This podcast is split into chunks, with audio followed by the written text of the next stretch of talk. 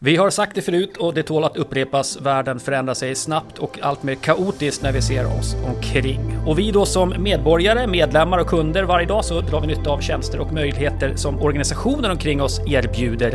Om det så är tandkräm eller scouting eller att köpa en försäkring. Och det de har gemensamt, alla de här organisationerna, det är att någonstans sitter en styrelse och jobbar och försöker hålla koll på den långsiktiga utvecklingen. Och styrelsen och styrelsens arbete i denna framtid och omvärld vi har omkring oss det är det vi ska borra i idag.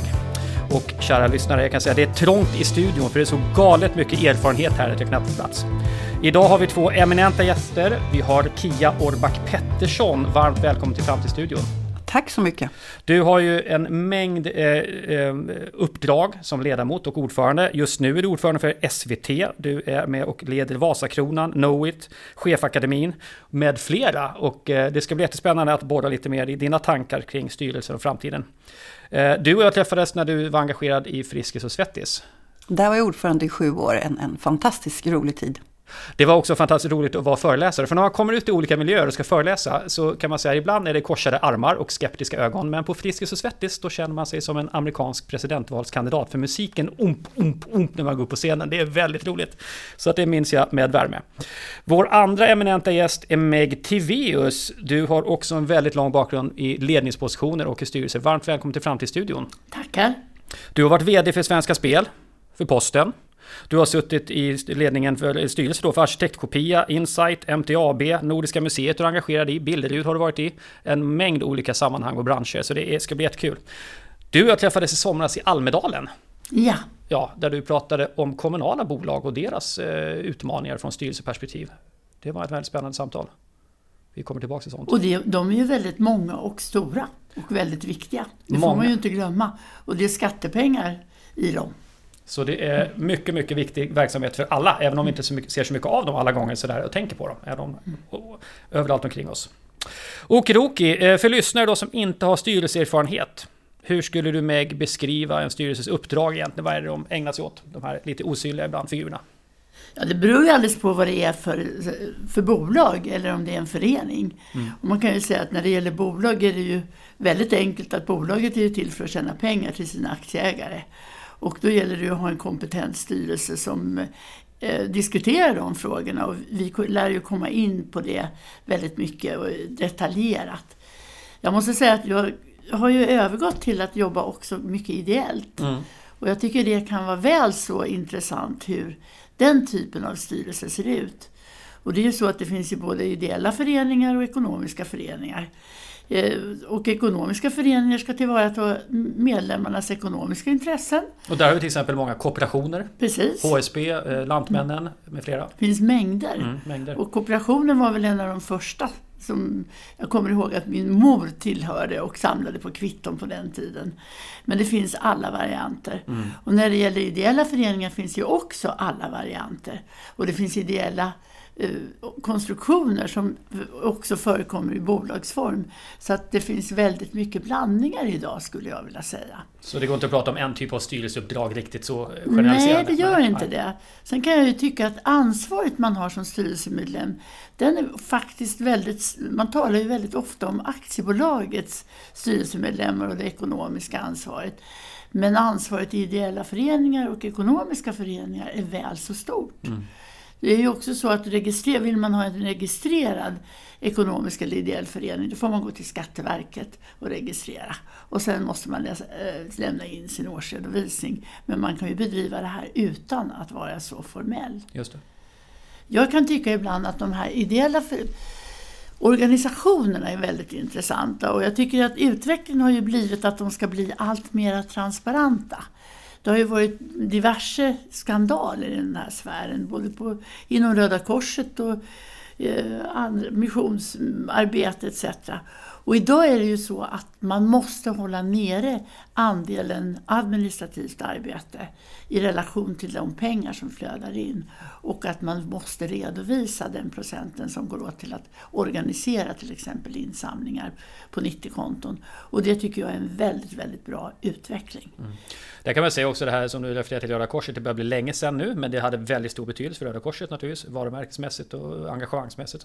Men jag tänker också, eh, ideell sektor har ju under lång tid professionaliserats på alla nivåer kan man säga. Och, och, vi hade just en diskussion innan här vi började med behovet av kompetenta eh, styrelser i stora, inte minst nationella, alltså riksövertäckande organisationer. Att det, det behövs en, en, kompetens där idag som, som är någonting annat kanske man har för några decennier sedan när det gäller att leda ideell verksamhet. Håller du med om det?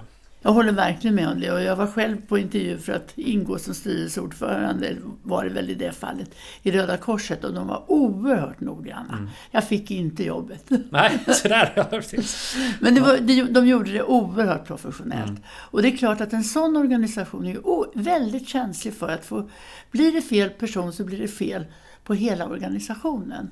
Och det betyder så mycket eftersom det är, man, man lever på andra människors välvilja helt enkelt. Ska tillägga så just Röda Korset är en otroligt komplex organisation också. Det, ja, det de gör verkligen otroligt mycket olika saker. Men idag jobbar jag bland annat ideellt i Slite Utveckling som ett regionalt utvecklingsbolag. Ett av elva på Gotland. Och det kan jag tycka är jätteintressant. Mm. Och det är förstås totalt oavlönat. Mm. Men där har vi ju både cementafabrik och ryssar på gång så att det är ju en intressant område. Mm. Spännande, kul.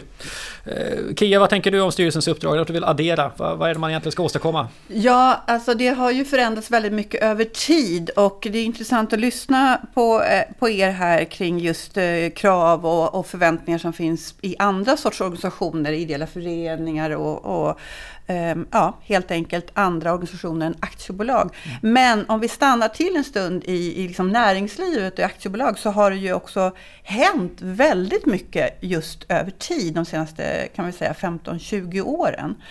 Med just styrelsens roll och styrelsens ansvar. Det var ju en del riktigt stora saker som hände eh, ja, för 20 år sedan, i slutet på 90-talet, början på 2000-talet. Vi har, förutom finansiella utmaningar och konjunkturer som vi har nu, så hade vi en, på 90-talet en avreglering i hela vår finansmarknad. Vi hade skandaler i USA som gjorde att vi sedan inrättade koder och regelverk för just styrelsens ansvar. Och hela den här förändringen under den här perioden har ju satt fokus just på styrelsens arbete och styrelsens roll. Och det tycker jag har präglat eh, mina erfarenheter väldigt mycket. Att när jag har träffat kloka äldre kollegor så har ju de vittnat om att det var annorlunda förr. Då hade styrelsen mer en uppgift att säkerställa den finansiella rapporteringen, kvartalsrapporter och att utvärdera VD, tillsätta och avsätta VD. Men i och med de här stora kriserna som faktiskt, där värde för aktieägare och andra intressenter, medarbetare tappar jobbet och de här riktigt stora kriserna som jag talar om ifrån från bland annat Enron nu i USA då, 01. Då, då, då blev det ju ett lärande som, som, som eh, hemläxa som gjordes och som handlade om ansvarsfördelningen mellan ledning och styrelse. I Sverige här blev det koden som jag nämnde. Och Vad ska, den heter koden? Koden för bolagsstyrning som präglar de publika bolagen, främst de på börsen, men det är väldigt många av den statliga portföljens bolag som följer dem också. Mm. Men man kan väl säga att om ska göra en jättesnabb sammanfattning om det så, så ändrades fokus rent legalt från att just bara titta historiskt på bolaget, vad man hade lämnat för rapporter, att de var korrekta, till ett framtida värde för aktieägarna och intressenterna. Så blicken gick från backspegel i bilen till att titta framåt i vindrutan. Och jag skulle vilja sammanfatta dagens styrelsearbete i näringslivet som den främsta uppgift vi har. Det är att titta framåt, och försöka se runt hörnet och just säkra en framtida värdeutveckling för våra bolag. Jag tycker du formulerar det fantastiskt. Jag har en, också ytterligare en reflektion över vad som har hänt och det är det här att vi, vi, ställer mycket större krav på företag idag om att de ska vara en good citizen. Ja, och att man ska vara samhällstillvänd. Förr var det liksom att man gav pengar till någon organisation, typ Röda Korset som vi var inne på. Idag är det väsentligt större krav. Och jag tycker det också det präglar arbetet i styrelsen. Här får man inte göra fel. Och jag tror att även styrelsen åker ner i källaren om ett företag får ett dåligt rykte av något slag eller att man inte är samhällstillvänd. Från shareholder till stakeholder-perspektivet. Ja. ja. precis. Mm. Ja, och så, så framförallt om man säger att från, från den strategiska agendan, alltså det framåtriktade, eh, så är ju steget väldigt kort till att titta på risker och det är ju egentligen det som, som Meg fångar upp här. Att, att eh, titta på risker utifrån att det faktiskt kan vara möjligheter i det, affärsmöjligheter, men också väldigt stora värden som kan gå förlorade. Så, så den strategiska agendan är absolut eh, i fokus för en styrelse idag, som är noterad eller publik på något slag skulle jag säga. Och sen också att styrelsen ägnar sig åt just det här, mm. riskvärdering. Mm. Och då tänker jag så här, det här förändringen, om man, jag, jag brukar bara formulera så att vår ansvarsradie har vuxit som samhällsaktörer. Vi måste, vi måste bry oss om saker som ligger allt längre bort, både som individer idag förväntas vi göra det, tänka hållbarhet globalt på något vis, men även framförallt stora som, som företag. Då. Hur har det förändrat vem det är som platsar eller behövs i en styrelse? Alltså hur har laget, styrelsen, förändrats? Eh, är det andra yrkesgrupper som har blivit mer frekventa eller hur, hur, hur har det förändrats av den här förändrade rollen? Tack och lov kan man väl säga att det inte just är kanske då styrelsens ansvar att jobba med den här viktiga frågan, utan i den svenska bolagsstyrningen och den svenska sammanhangen som vi har verkat i, så är det ju ofta en valberedning eller nomineringsarbetet eh, sker i en kommitté utanför styrelsen. Men vi behöver inte åka så långt, vi kan bara åka till England. Så den anglosaxiska bolagsstyrningen är helt annorlunda. Där är det styrelserna själva som nominerar och väljer kompetenser och personer mm. som går in i styrelsen. Så vi har vår nordiska modell mm. som vi värnar, men det finns andra sätt att skapa värden. Har vi samma som Tyskland till exempel? Också? Nej, det är ytterligare en variant ytterligare och, och, nere i Europa finns det ytterligare varianter. Ah, okay. Jag kan säga att den, de, no, de nordiska bolagsstyrningarna de är snarlika, mest mm. snarlika. Mm. Och det är no, många, många länder som med förtjusning tittar på den svenska modellen. Och framförallt för att vi just har separerat den här mm. saken mm. med valberedning och styrelser. För det är som jag, som jag sa, nämnde, inte självklart eh, i, i en del andra länder. Men jag brukar säga att eh, vi ska vara lite ödmjuka också. Det finns ju faktiskt fantastiska fina bolag, otroliga värdeskapande som har skett i andra kontexter. Så jag vill mer titta på den här frågan utifrån pick the best. Mm. Att man kan verkligen lära av varandra. Mm. Men när det gäller just nomineringsarbetet, då tror jag de flesta är överens om att vår modell är väldigt bra. Mm. Och de, de som nomineras menar för att klara av det här uppdraget, har det blivit andra alltså andra, har man andra erfarenhet idag än man hade kanske då för 30 år sedan om vi pratar om att vi går från shareholder till stakeholder. Har det påverkat egentligen? Eller? Jag, jag, jag tycker det har funnits olika trender om jag ska vara ja, men spännande. Ja. Under de här åren som jag har jobbat med styrelsearbetet. Ett tag skulle man ha specialister som var på AI eller digitalisering. Ett tag skulle man ha informationschefer för det var ju så otroligt viktigt vilken bild företaget hade. Och idag är det hållbarhetschefer för nu är det ju hållbarhet som gäller. Mm. Och ska man då ha den kompetensen i styrelsen? Frågetecken, frågetecken. Eller ska man kräva det av bolaget? Och det här tycker jag ibland man har lite blandad kompott mm. vad, vad beträffar det. Sen pratar vi ju lite i olika dimensioner. Alltså vi pratar om stora börsnoterade bolag där du liksom idag har en väldigt professionell rekrytering av styrelsemedlemmar. Men vi har ju faktiskt är det 370 000 bolag i Sverige och vi har väldigt många små bolag. Och vi har många bolag som har startats av en entreprenör och sen ärvs av barnen. Och där börjar nästan den anglosaxiska modellen komma igen. Pappa är ordförande och sonen är VD. Och eh, där kan man ju liksom diskutera hur nära man är egentligen. Jag upplever väl också att det har kommit en professionell trend i den sektorn. Men den är på lite annan nivå än på de stora börsnoterade bolagen. Ja, det är en jättebra kommentar som du gör Meg, för att eh, valberedning och nomineringsarbetet kommer ju framförallt fram eh, i de arbeten, eller de bolag där man har ett spritt ägande. Mm. Och det du pratar om med rätta är ju att det fungerar på ett annat sätt när du har en ägare och framförallt inte är noterad. Mm.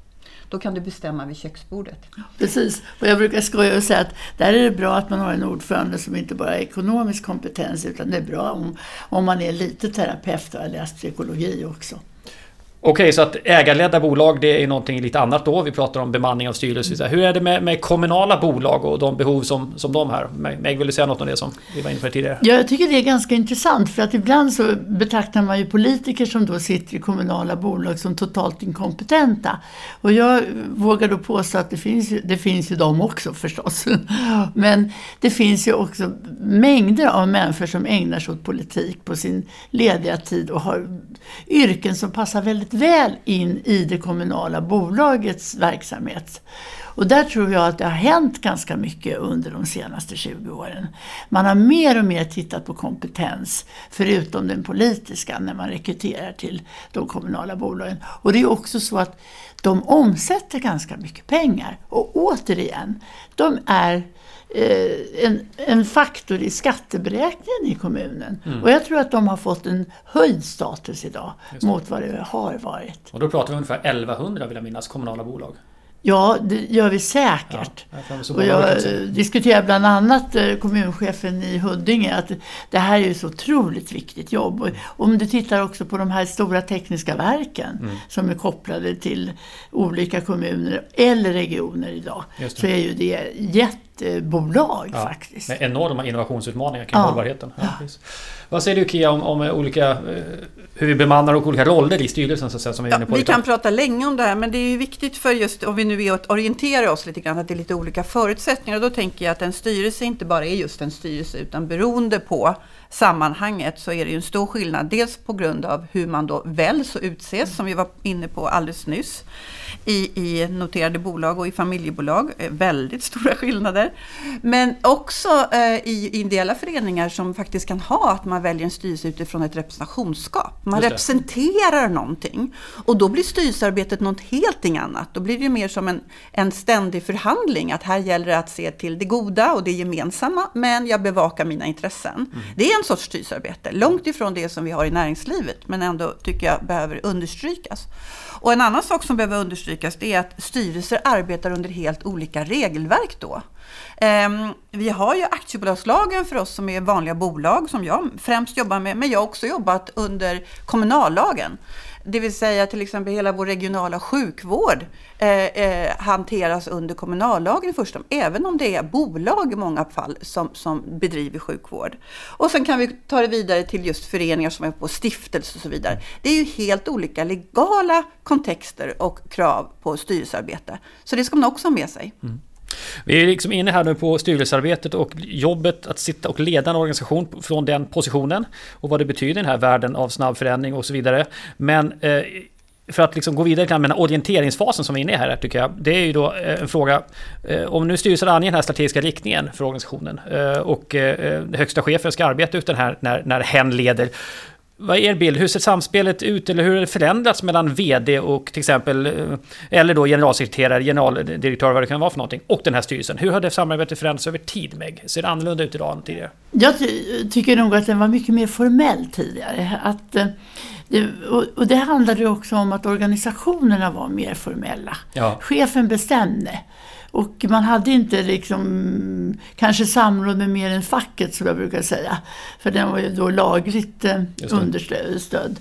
Men idag så tror jag att samspelet mellan en ordförande och en VD eller generaldirektör är oerhört viktigt för bolagets utveckling och för diskussionerna i styrelsen. Och det gäller att man har den sociala kompetensen från båda håll. Att klara av det. Jag kan känna att man som ordförande alltid man är lite grann formellt VDs chef. Just det. Och eh, själv ska man då representera aktieägarnas behov och eh, krav på lönsamhet etc. Men man är VDs chef och det ska finnas ett förtroendekapital som man ska se till att det bibehålls emellan de två personerna. Och jag upplever väl att det gör att, att vara ordförande är mycket mer stimulerande att bara vara styrelseledamot. Mm. Det skulle jag vilja säga. Ja, just det. Mm. Kia, har du några tillägg där på det? Ja, jag skulle kunna utmana dig där lite Meg. Jag tycker att det är fantastiskt roligt att vara ledamot också. Därför att det som du beskriver, det är en ganska tuff, tuff mm, uppgift. Tuff. Att vara ordförande. Att eh, både ha ansvar för det här som du säger, liksom, utveckling och lönsamhet. Och samtidigt vara en coach. Mm. För du ska ha ju också kvar det här gamla kravet på att du är den styrelsen är de som tillsätter och avsätter VD. Mm. Och den rollen då att, att både vara ansvarig för hur verksamheten leds, vilket den gör av VD och ingen annan, och samtidigt vara den här coachande personen. Det, det är en utmaning. Så att ibland är det väldigt mycket, om man får säga, bekvämare att vara ledamot. Mm. Därför då ska det vara konstruktivt, opponent på styrelsemötena. Du ska driva för framtida utveckling och så vidare, men du har den främsta uppgiften kanske att just ställa kloka frågor, att komma med eh, andra perspektiv och så vidare. Och det är en lite eh, mer ibland enklare roll tycker jag. Mm. Så jag ser ju gärna att min portfölj består både av ordförande eh, uppdrag som är väldigt roliga, mm. som precis som Meg säger, de är roliga. Men också att vara ledamot, för det är olika roller i styrelsen också. Det håller jag helt med om. Och eh, det är lite, ibland har jag till och med tänkt att åh vad skönt att jag inte är ordförande på det här stället. ja, så kan det absolut vara. Kan jag tänka Men jag tycker också en annan sak som är värd att plocka upp i det här samspelet, för det är så viktigt att det fungerar. Så är det ju som, som jag var inne på förut, att det är mycket som har förändrats kring styrelsens ansvar och roller. Och då, då är det också viktigt för det här förtroendet ska komma till stånd, att, att både VDs roll och ansvar är väldigt tydliga. Att förväntningarna är väldigt tydliga. Mm, som alltid. Och viktigt. Ja. styrelsens ansvar och roller på samma sätt är tydliga och helt kommunicerade. För om vi ser det här som två stycken ringar så möts ju de här ringarna just i det gemensamma styrelsearbetet. Och i den skärningspunkten som blir när de här ringarna förs ihop, mm, då har man ett gemensamt ansvar. Men sen går VD hem och tar ansvar för den löpande verksamheten och säkerställer att målen nås. Och styrelsen måste gå hem och göra sitt jobb. Och där har man olika uppdrag och olika agender. Så det är viktigt hela tiden att ha den här dialogen vid liv. Liksom. Vad prioriterar du? Vad prioriterar ni? Och sen möts vi i att utveckla verksamheten. Sen tycker jag också att eh, om man är ordförande vill man ju alltid vara klar över att eh, man tycker som VD när det gäller eh, olika styrelsebeslut. Och gör man inte det, jag har varit med om det också, eh, så är det ju en diskussion kring om man ska föra fram den här frågan i styrelsen för att få höra hela styrelsens uppfattning. Så jag tycker det finns en spänning i den här rollen som tilltalar mig. Jag tycker den är lite roligare. Jag, jag förstår rätt, du menar att du, om du är ordförande så vill du gärna att du och VD är överens om ja, vissa idéer. Är vad det ska. ideala. Ja, det är det ideala. Ja. Och, och, när ni är det så då är frågan, ska nu väcka den här frågan med alla? Ska alla få med att tycka ja. eller ska vi hålla den för oss själva så att nej, säga? Nej, det, det, man, då är det ju väldigt lätt att ha styrelsemöte. Ja, jag menar, då måste... känner ju VD att ja, men jag har ordförande bakom mig. Ja, jag kanske har den där emot mig. Men inte, inte ordförande. Och då, I allmänhet blir det ju ett beslut som blir fördelaktigt för VD och ordförande. Mm. Men det händer ju att man faktiskt inte är överens. Ja, och man blir inte överens. Och, utan man måste ja, man diskutera sig fram till att ja, men vi går till styrelsen och säger här finns två olika förslag. Ja, Vad tycker ni? Ja, ja, okay. alltså, det är så. Och, och det ska man inte dra sig för, tycker nej, jag. Nej. Nej, det är väl styrelsens jobb att lösa detta. Ja. Blöd, blötlägga frågor är under, underanvänt begrepp och det är väldigt bra mm. som du säger. Man går till styrelsen och lägger fram alternativ mm. och man hinner diskutera och man går tillbaka och sen kan man ta... Och det ska man göra mer än vad man gör idag. För att alltså, svensken har någon sån här konsensuskänsla. Vi måste vara överens liksom. Men det har man ju inte i Finland. alltså, bara för att ta något, roligt exempel. Där har man ju mera management by Perkele. Och jag tycker egentligen att det är bra att man för fram konflikter. Aha. Och då tycker jag det är intressant. Jag har ju själv suttit eh, i en styrelse som ordförande i ett sammanhang, ett av Sveriges scoutförbund. Eh, och där var ju en tradition av att vi egentligen väckte en fråga på sittande möte och bearbetade den väldigt mycket där sittandes. Medan så småningom börjar vi röra oss mot att ibland så har vi faktiskt tagit fram ett beslutsunderlag och säger så här, ska vi ta A eller B? Mm. Eller ha någon annan radikal idé. Men att det ändå var mer processat innan. Mm. Några preferenser, tankar om den typen? Apropå, för jag tycker du var inne på någonting Meg tidigare om att eh, relationen styrelseordförande och VD har blivit mindre formell. Och det är väl en generell utveckling i samhället. Vi har fått mindre eh, uppenbara hierarkier och så, så vidare. Eh, och där kan man ju prata om samma sak här så att säga. Vem är det som processar saker inför möten? Vilken, hur, hur, hur platt är det i en styrelse? Eh, ledamot, ordförande och så vidare. Men, men vad är era tankar om det? Mycket beslutsunderlag färdigt och, och, och, två klara alternativ om jag hårdrar det. Eller mycket diskussioner om, om allt? Alltså, ja, min erfarenhet är att ideella organisationer har mycket mera diskussioner ja. än kommersiella eh, bolag. Alltså, på något sätt så är man så målinriktad i den eh, ekonomiska världen. Medan den ideella världen är till för att diskutera. Och det kan ju igen, ibland bli väldigt långdraget om man ska vara uppriktig. Så är det. det är mycket snack och lite verksamhet. Ja men där är ju lönen, det är ju att känna motivationen av engagemanget. Så ja. man kan inte ersätta någon på något annat sätt om de är missnöjda. Nej. Nej, Jag passar nog bättre i kommersiella organisationer. Nej, men jag, jag, måste väl ändå flika in det att eh, min erfarenhet nu efter att ha gått igenom dryga 30 bolag utifrån ett styrelsearbetesperspektiv, att det är, det är inte one model that fits everyone. Mm. Alltså man får situationsanpassa mycket. Man kan ha en idé om att eh, det ska finnas förberedda material. Det blir ju mycket bättre diskussioner om mm. alla är någorlunda pålästa, inlästa, än att man får dokument tilldelat på mötet. Mm. Man kan ju känna att det är väldigt mycket bättre och konstruktivare diskussioner om man just som jag sa blötlägger frågan en eller ett par gånger. Men ett, eh, utifrån att man just har en, en i, fan, i, i formerna då av aktiebolag och sådana styrelser, eh, krav på en effektivitet så är det ju självklart så att det är väldigt bra om det finns eh, förberedda underlag som är ute i god tid och på så sätt att konstruktionen kan bli fokuserad och effektiv på till exempel ett eller två alternativ. Möjligtvis att någon kläcker en tredje. Mm. Och då tar man en blötläggning till. Men det finns väldigt få saker som vittnar om att motsatsen är bättre. Att mm. komma till ett möte oförberedd. Det tror jag inte på. Nej, men då tänker jag att det du säger här också är att det säger något om tempot i styrelsearbetet. Alltså har man frågor som man inte eller som man väldigt sällan hinner blötlägga, då jobbar man med fel frågor. Kan man säga så? Då är de inte tillräckligt långsiktiga om du förstår mig. Man måste ha tiden på sig att låta tänkandet pågå. Vad säger Meg? Alltså jag älskar ordet blötlägga. Jag har aldrig använt det i det här sammanhanget. Men jag tycker det är så sant det du säger Kia. För att jag brukar säga att man måste tuta några gånger innan man kör över. Alltså det är bra att liksom förtuta. Ja. Så att man tar ett par möten om det är en stor fråga. Så alla har fattat att det är kört liksom. Ja, precis. Men, men jag älskar ordet blötlägga. Alltså det, och, och sen finns det en annan sak med styrelsemöten tycker jag som jag upplevde väldigt starkt som VD själv. Och det var att där kom de indånandes från alla möjliga håll, de här styrelseledamöterna. Och även om de hade fått material innan etc. så handlade det om att få dem att landa först. Så på något sätt så försökte jag alltid ge en liten repetitionskurs på var var vi förra gången och vad har hänt sen sist och nu kommer den här frågan upp igen. Och det var, det var väldigt välgörande märkte jag för att sen få rätt beslut från styrelsen.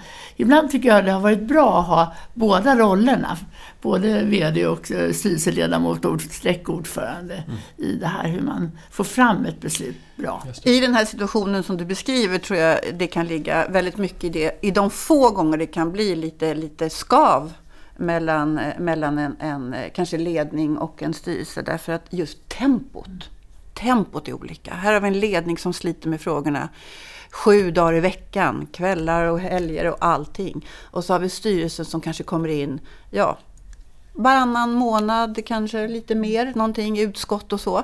Men ändå inte är där varje dag. Och då behöver man ha en ordförande som Meg beskriver. Som kan liksom eh, fånga upp gruppen, se till att alla är med på samma punkt i, på kartan och talar om vart vi ska gå. Det är ju ordförandens roll. Och det måste man tänka på många gånger. Och ibland brukar jag behöva påminna ledningar om det. Att just tänk på att styrelsen har suttit på läktaren nu. Så mm. de måste ner och spela matchen och bli lite varma först. Mm.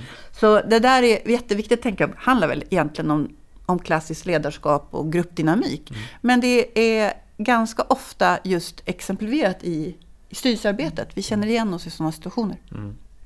Vi har ju pratat om, om rollerna då och relationerna här lite grann. Men hur, om ni tittar från styrelseperspektivet på hur chefer ser på chefskapet. Alltså vad, vad, tänker människor idag, tror ni annorlunda, om att vara chef? Eh, och ha då vd-positioner, det vi pratar om, för det är de som styrelsen möter i, i princip då. Hur, hur har det förändrats över tid? Vad skulle du säga Meg? Ja, alltså jag blev ju chef första gången på 60-talet. Och eh, det är klart att chefsrollen har förändrats ganska mycket sedan dess.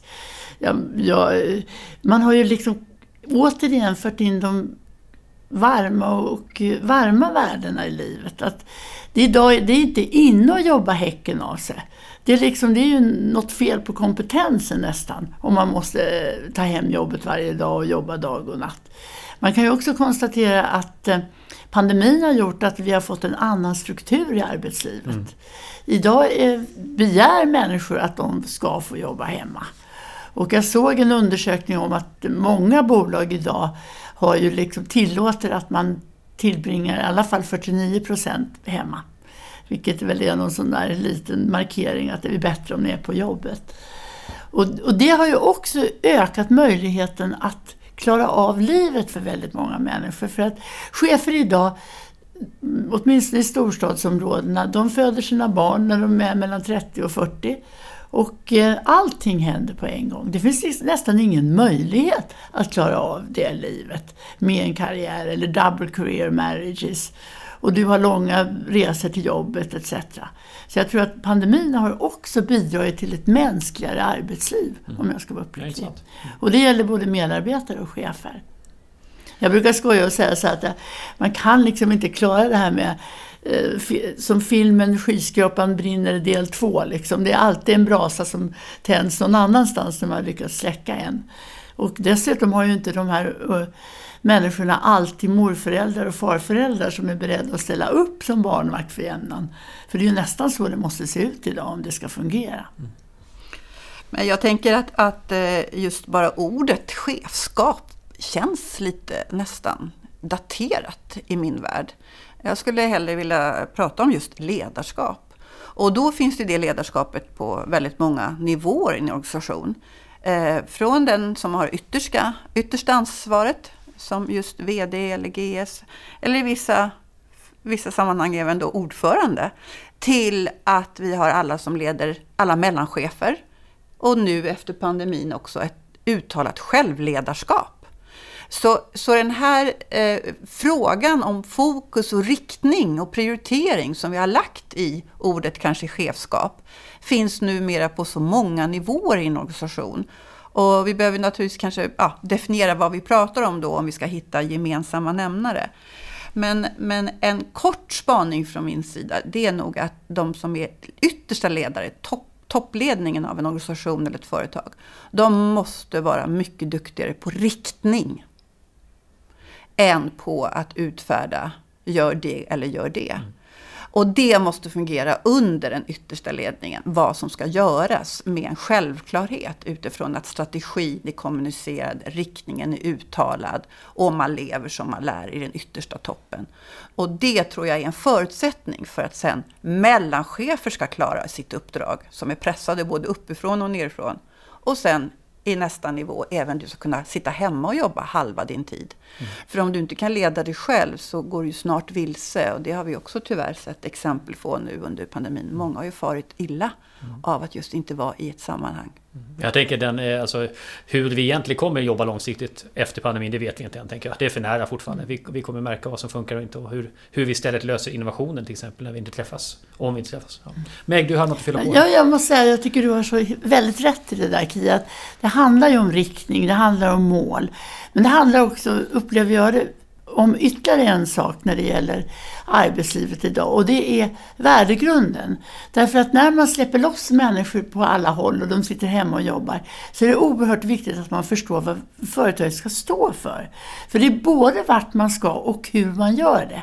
Och jag märker att unga människor idag efterfrågar värdegrund nästan väsentligt mer än vad de gjorde när jag var ung. Mm. Och så är det. Jag understryker bara det från mätningar som just Chefakademin gör löpande och kommunicerar kring att, att visst är det så. Vad, vad ett bolag har för värdegrund och vad man kommunicerar är avgörande för att attrahera medarbetare och, och, få folk att stanna kvar. Men det ligger, jag vill bara säga det, att jag, i min, mitt uttryck riktning så ligger självklart eh, just värdegrunden i på vilket sätt ska vi nå de här målen. Mm. Här, Nej, men, och det kan vi styrka också med vår data. Vad jag tycker det kan vara intressant att fundera på det är om vi nu haft en utveckling under lång tid där vi gått från hierarki och toppstyrning till en idé om att låta medarbetarna coachas mer om jag uttrycker det lite förenklat. Eh, så ser vi, precis som du är inne på här Kia, att ja, men vi behöver en riktning som gör att folk kan jobba autonomt för de vet vad de ska. Exakt. Vet de inte vad de ska så kan de inte jobba autonomt. Och, och sen det som gör att de jobbar på rätt sätt men fritt, det är kulturen och värdegrunden som gör att okej, okay, de kan inte fatta vilket beslut som helst här för det går emot kulturen. Alltså kommer de fatta helt okej okay beslut även om de jobbar själva om jag säger så. Men finns det en mots eh, motsägning, alltså en, en, konflikt mellan att då röra sig mot mindre hierarki men samtidigt nu kanske en större behov av en väldigt tydlig riktning? Alltså är, är det en, på ett sätt en återgång till en styrning där toppen måste verkligen vara tydlig med vad vi ska för annars blir man ju stressad som medarbetare. Okej, okay, jag får jobba fritt här men jag fattar egentligen inte hur jag gör rätt så att säga. Vad är det jag ska uppnå mm. för att göra mitt jobb? För det finns ju också bland unga en stor otrygghet kring. Man vill veta att man kan släppa jobbet när man går hem, man ska, vill ha väldigt mycket feedback och veta att jag är på rätt väg. Så att säga. Och då kan man säga att på det sättet blir det kanske mer styrning från toppen. Så det är just dit vi ska och vi mäter det som, ta, som visar att vi tar oss ditåt. Eh, kan man säga att pendeln i den, eh, på det sättet lite grann går tillbaka mot en mer topp uppifrån styrning, fast inte hur då, men, men vad eller vart vi ska. Jag tycker det är svårt att generalisera där, för nu, nu rör ju du frågor som egentligen ägs just av vd och mm. de som leder verksamheten. Och som mm, styrelserepresentanter så, så är man ju mer inne mer på ett, ett, ett generellt resonemang för den här organisationen då. Och då igen går, är det svårt att säga att det som är relevant för den här organisationen, det här bolaget, skulle vara detsamma som för det familjeägda bolaget som drivs av en entreprenör. Det, det är svårt att säga generellt om det. Mm. Man, kan, man kan ta mycket erfarenhet med sig eh, från bolag till bolag. Men man måste alltid situationsanpassa det. Du kan aldrig göra copy-paste.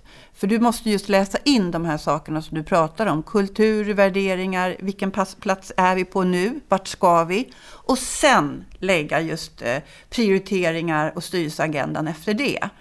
Men, men de här frågorna som du spekulerar i så intressant, vilket är väldigt mycket frågor. Hur ska det bli och vad ska vi ha? Det tror jag du får bjuda in en ny poddpanel till som är just kanske ja, specialiserade på vad som händer i våra organisationer efter just det vi har gått igenom nu.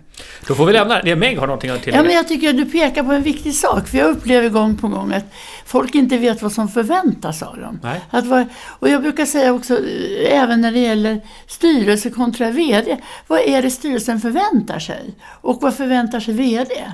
Alltså, det där går igenom hela organisationen och jag tror att man måste vara nästan övertydlig eh, över vad man förväntar sig av medarbetare. Annars blir det luddigt. Och ju fler som arbetar hemma, vi pratar om att vi styrs av, av mål och, och, och, och värdegrund etc. Men det är också tydligheten vad man förväntar sig. Mm. Så kommunikationen är viktig.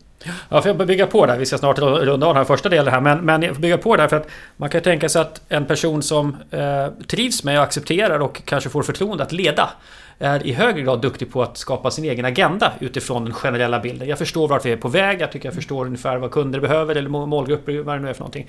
Och sen är jag kanske snäppet lite bättre än en del andra på att omsätta det här till en plan, en handling. Jag kan leda mig själv i lite högre grad än genomsnittet. Därför jag blir ledare också. Så och då tänker jag bara om man som ung växer upp i en, miljö, eh, nu spekulerar vi, har ingen ung närvarande, men, men om man växer upp i en miljö som pratar väldigt mycket om, om, om så säga, platta hierarkier, jämlikhet, alla ska bli hörda och så vidare. Då kan man ju bli obekväm med att vara tydlig om vart vi ska. Och då kan det i sin tur generera ett ledarskap. Eh, både där man kanske själv frågar efter, berätta hur jag ska göra rätt här, men också där jag själv kanske avstår från att ge den här tydligheten. Vilket skapar utmaningar för andra omkring. Då. Ja, det är lite det hållet jag är inne och fiskar på. Men vi, vi, vi ska göra fler poddar precis som Kia säger så att vi får ta oss an det här igen. Nu eh, gör vi så att nu rundar vi av den första delen. Vi kommer snart tillbaka och prata vidare om styrelsen och dess arbete. Var står er styrelse när det gäller omvärldsbevakning och analys?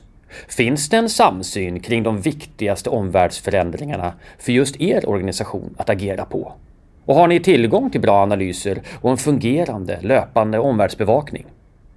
Här på Kairos Future anlitas vi återkommande för att hjälpa styrelser inom alla samhällssektorer med att få en bild av den mest sannolika framtiden. Det som är själva förutsättningen för att kunna skapa effektiva strategier. Kontakta oss gärna för ett oförpliktigande samtal om hur just ni kan rusta er styrelse för framtiden.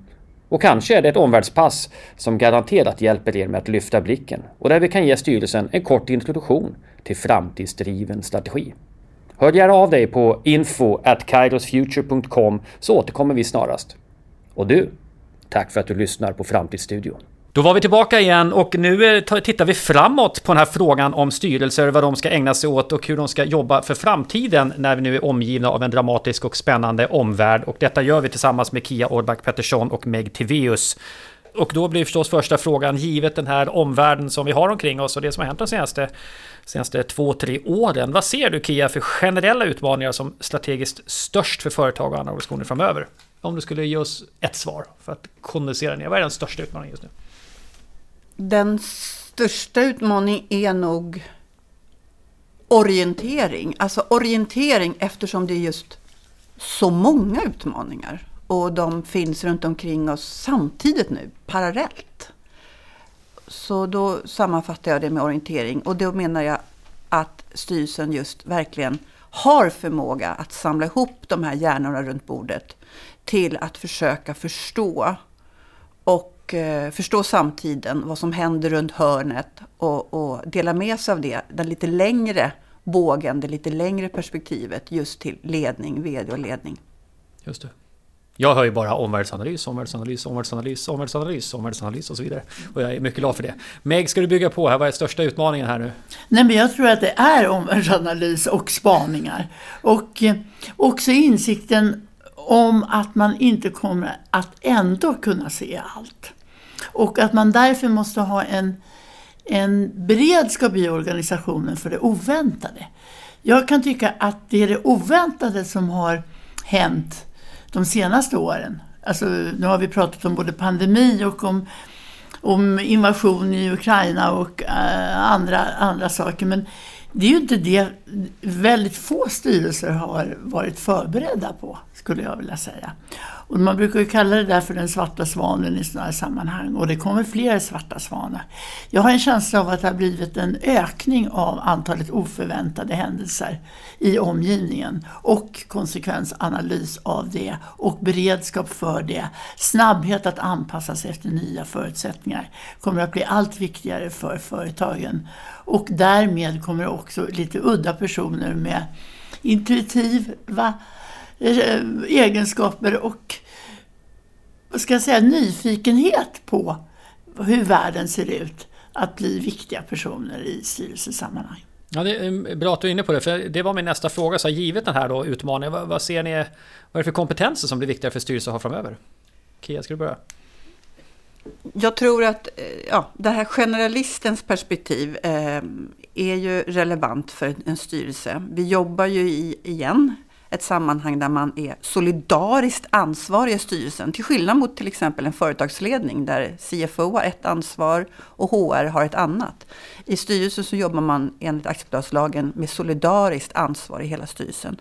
Så det här generalistens perspektiv, att se det breda, det är en viktig ingång. Sen behöver du ju ha erfarenhet av olika områden för att bli den här sammansatta gruppen som är relevant för just det här bolaget. Men jag tror ju mycket mer på eh, teamspelare i det här fallet. Eh, just att sätta ihop hjärnor och erfarenheter för att få ut en, en konkret nytta. Men eh, det, ska ju, det ska ju vara ändå format och taget ifrån verksamheter som är relevanta för bolaget. Så det behöver ju ha delvis kunskap om bransch och verksamhet och också naturligtvis olika sorts viktiga funktioner även i styrelsen som, som, som speglar bolagets verksamhet. Men jag tror jättemycket på generalistens liksom, höjning till skyarna som vi ser nu i bland annat boken Bread, eh, Bread som kommer av eh, David Epstein har ju skrivit den här som hyllar just att, att kunna lägga ihop olika kompetenser för just kunna vara förberedd för det oförväntade. Eh, istället för att säga att jag är bara ansvarig för mitt lilla område. Jag är duktig på digital utveckling och jag sitter på den här stolen i styrelsen för jag är ansvarig för det området. Det funkar inte i längden, utan här måste du få ihop det breda perspektivet. Talar det här för att, eh, att eh, senioritet, alltså erfarenhet under längre tid och för många sektorer kommer bli allt mer viktigt? Om man tänker sig diskussion om vem sitter i en styrelse, vad har vi för könsfördelning, åldersfördelning? Så är det så att det här, här börjar ålder löna sig mer på ett sätt för att kunna vara bra journalist? Eller har det inget med saken att göra?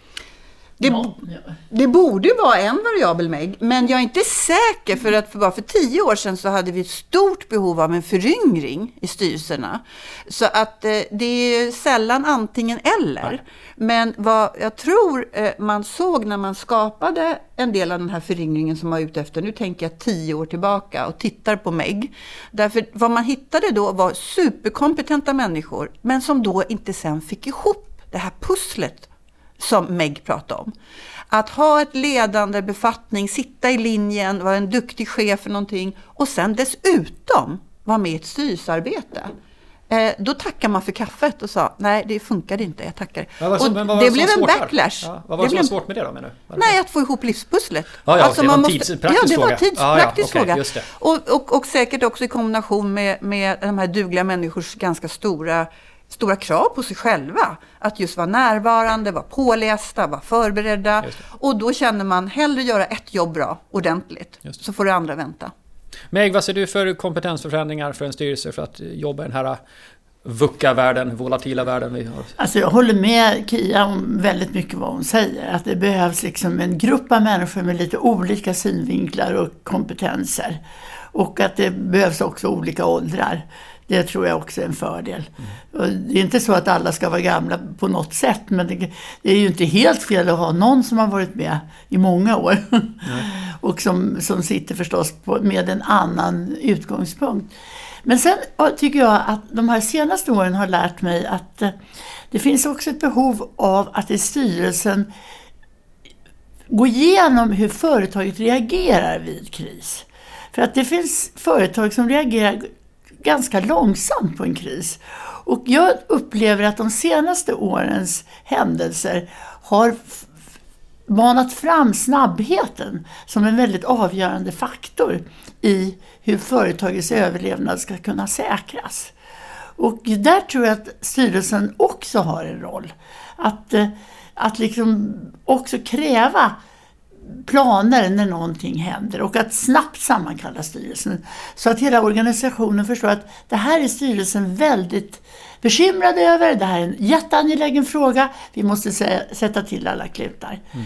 Och där upplevde jag nog att olika företag fungerade ganska olika. Framförallt i samband med då när pandemin kom som kom som en rullgardin för alla företag. Mm. Och då tänker jag när du pratar om det här med beredskap eller också att, att ha den här breda bilden. Eh, Eh, Eh, jag kan ju inte säga någonting annat. Jag funderar på hur, när, när, ni jobbar med utbildning med styrelse till exempel, Kia som du har gjort väldigt mycket, även om Meg också förmodligen varit inblandad vid tillfällen. Men i vilken dag, grad idag om man går en styrelseutbildning för att vara redo för att ta ett uppdrag, i vilken grad jobbar man kring systematiskt till exempel omvärldsanalys då, eller att fundera kring scenarier, eller eh, det här, är, det, är det en del som har funnits med sedan länge? Eller vart står, vart står vi idag om vi tittar från utbildningsperspektivet och de kommande styrelseledamöterna?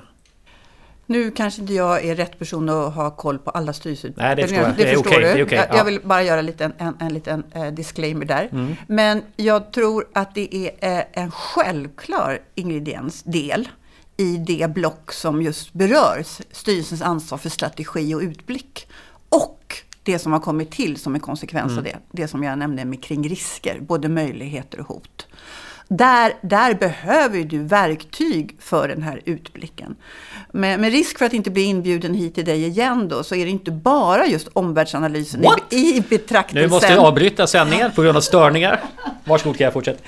Som eh, bolag som Kairos Fruit jobbar med, utan det är lika mycket eh, en, en spaning utifrån hur dina kunder mår och ser på din verksamhet. Hur dina konkurrenter beter sig och utvecklar produkter. Så att, att eh, i det strategiska arbetet så handlar det absolut att ha den här omvärldsanalysen, den mer formella delen som är lite längre bort från, från bolagets mitt. Eh, det som man kanske behöver ha koll på men inte kan påverka så mycket.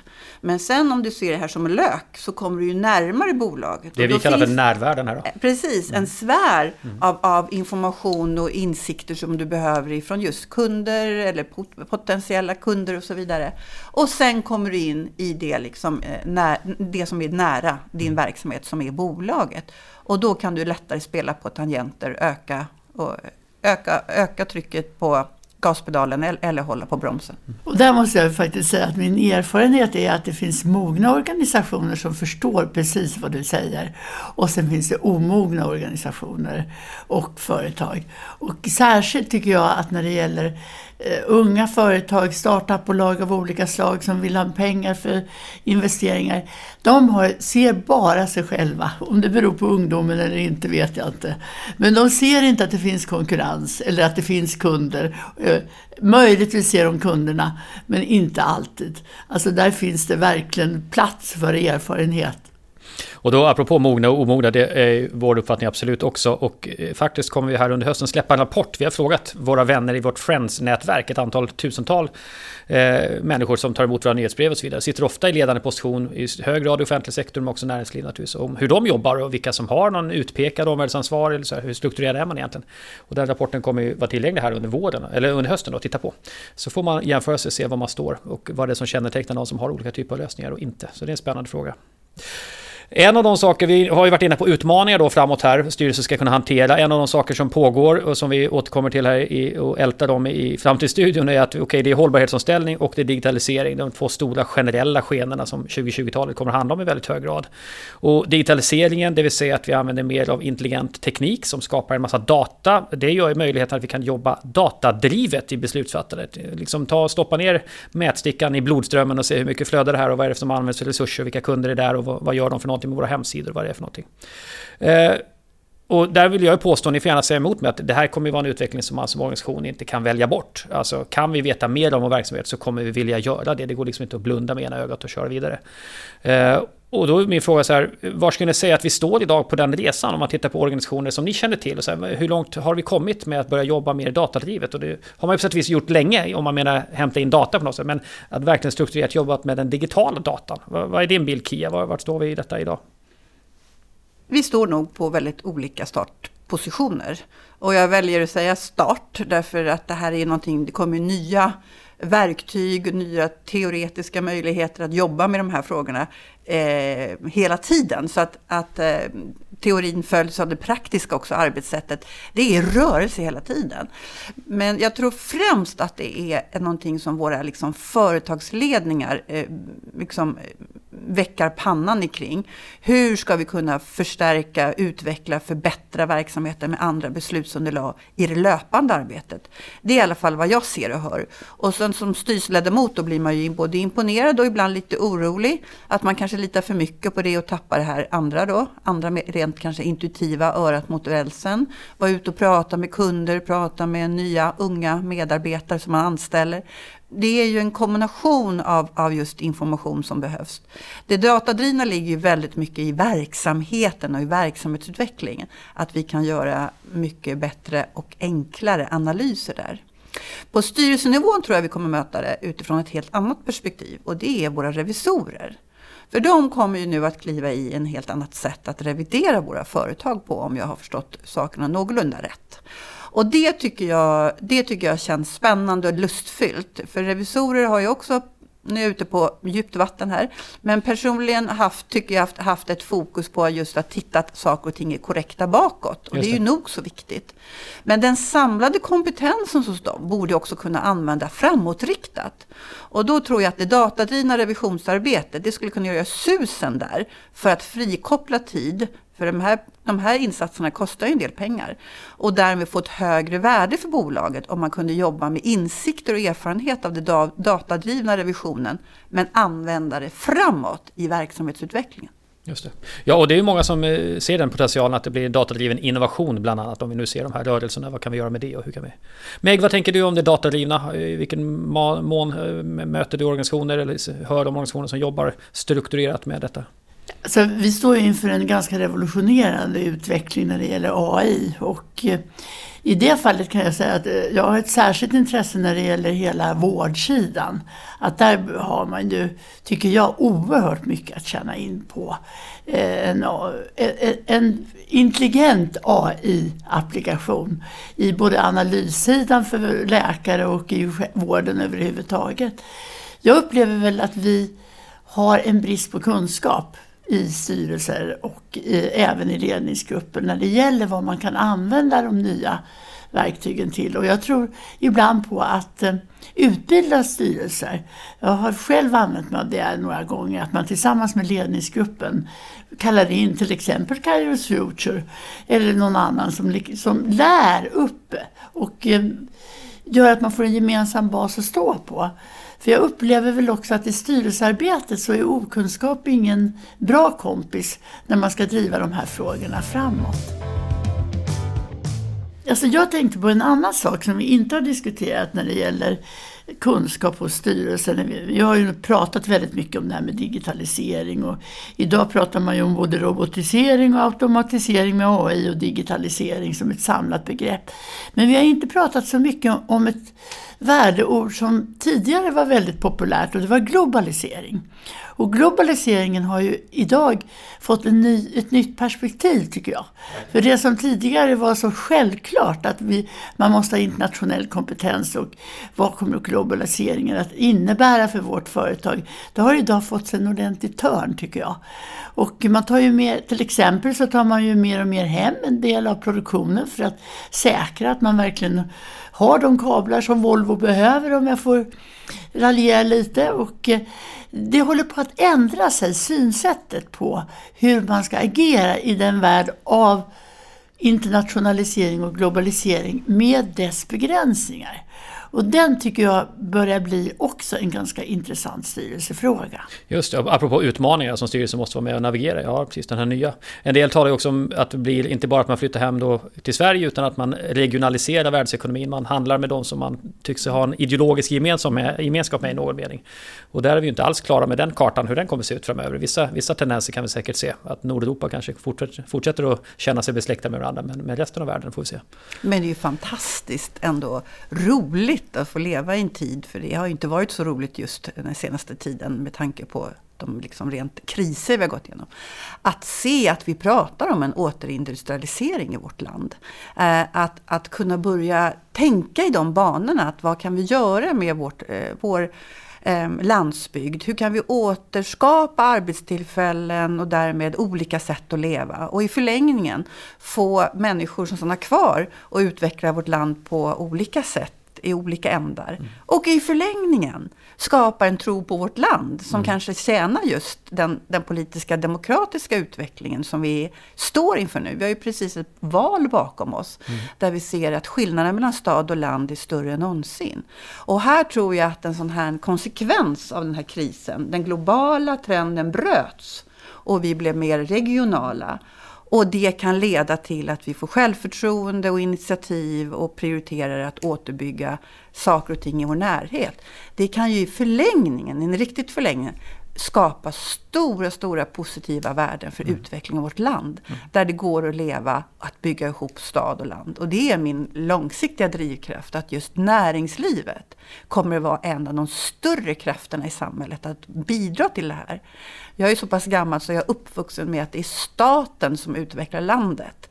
Och nu är min åsikt den att det är näringslivet som har tagit stafettpinnen. De går före i hållbarhetsfrågor och jag tror att det är näringslivet som kommer att gå före när det gäller att återindustrialisera Sverige. Och förhoppningsvis läka ihop vårt land på ett positivt nytt sätt.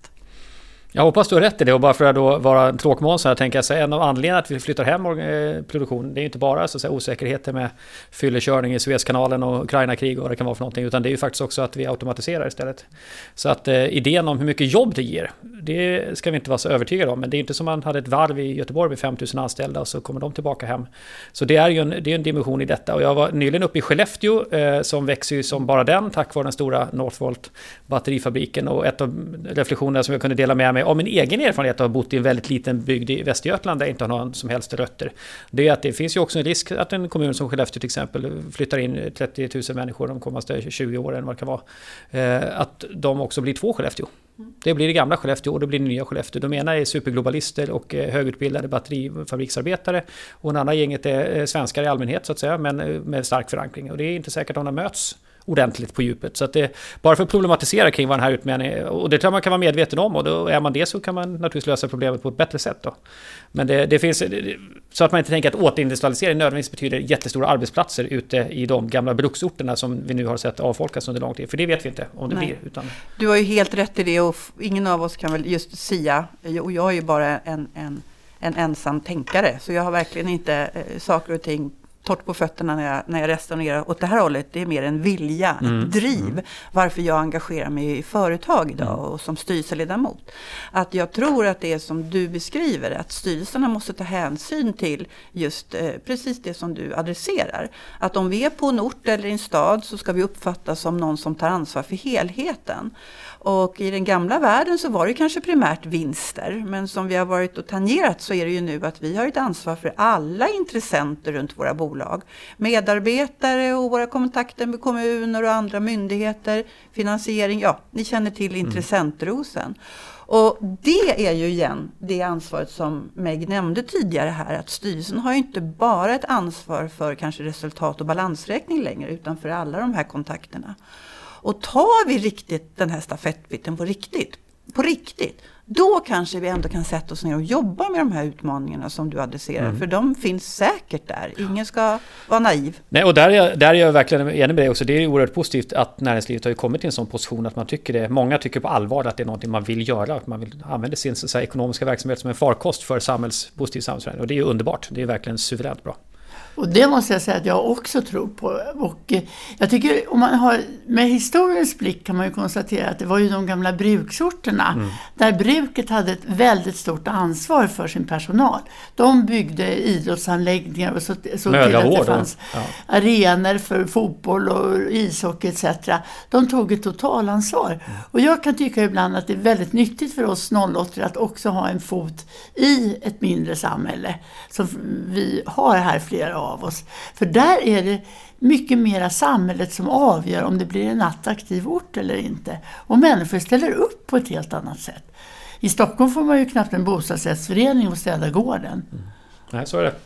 Ja, men givet det här, vi pratar om, om stad och land till exempel och, och eh, ja, ibland konflikten, konkurrensen mellan centrum och periferi och vem är det som egentligen har makt och inflytande och kan vara med i, i samhälls, samhällsspelet. Eh, om vi tänker lite grann på styrelse då och vi tittar på mångfaldsperspektivet, inkludering och så vidare. Om ni fick önska, vem, vem skulle ni önska tog plats i styrelsen framöver för att öka chansen för svenska företag och andra organisationer att lyckas? Har ni några tankar om det Meg? Vad är det vi behöver berika styrelsen med? Vad är det vi behöver tänka på? Jag blev faktiskt nästan lite full i skratt när du ställde den frågan. För jag tänkte att hade vi gått 20 år bakåt i tiden, då ja. hade vi sagt mer kvinnor i styrelsen. Det var ja. en stor, stor fråga. Idag är det inte en fråga. Idag är det ju mycket mer vilken kompetens vi behöver oberoende av kön. Och det tycker jag är en stort fall framåt ja, måste jag säga. Mm. Och där tycker jag att det är väldigt mycket det vi har pratat om idag. Eh, det ena är att vi ska ha olika typer av kompetenser och vi ska ha kompetenser inom de områden vi ser som stora utmaningar framöver. Vi ska också ha olika åldrar och olika kön och kanske olika typ av eh, etisk bakgrund.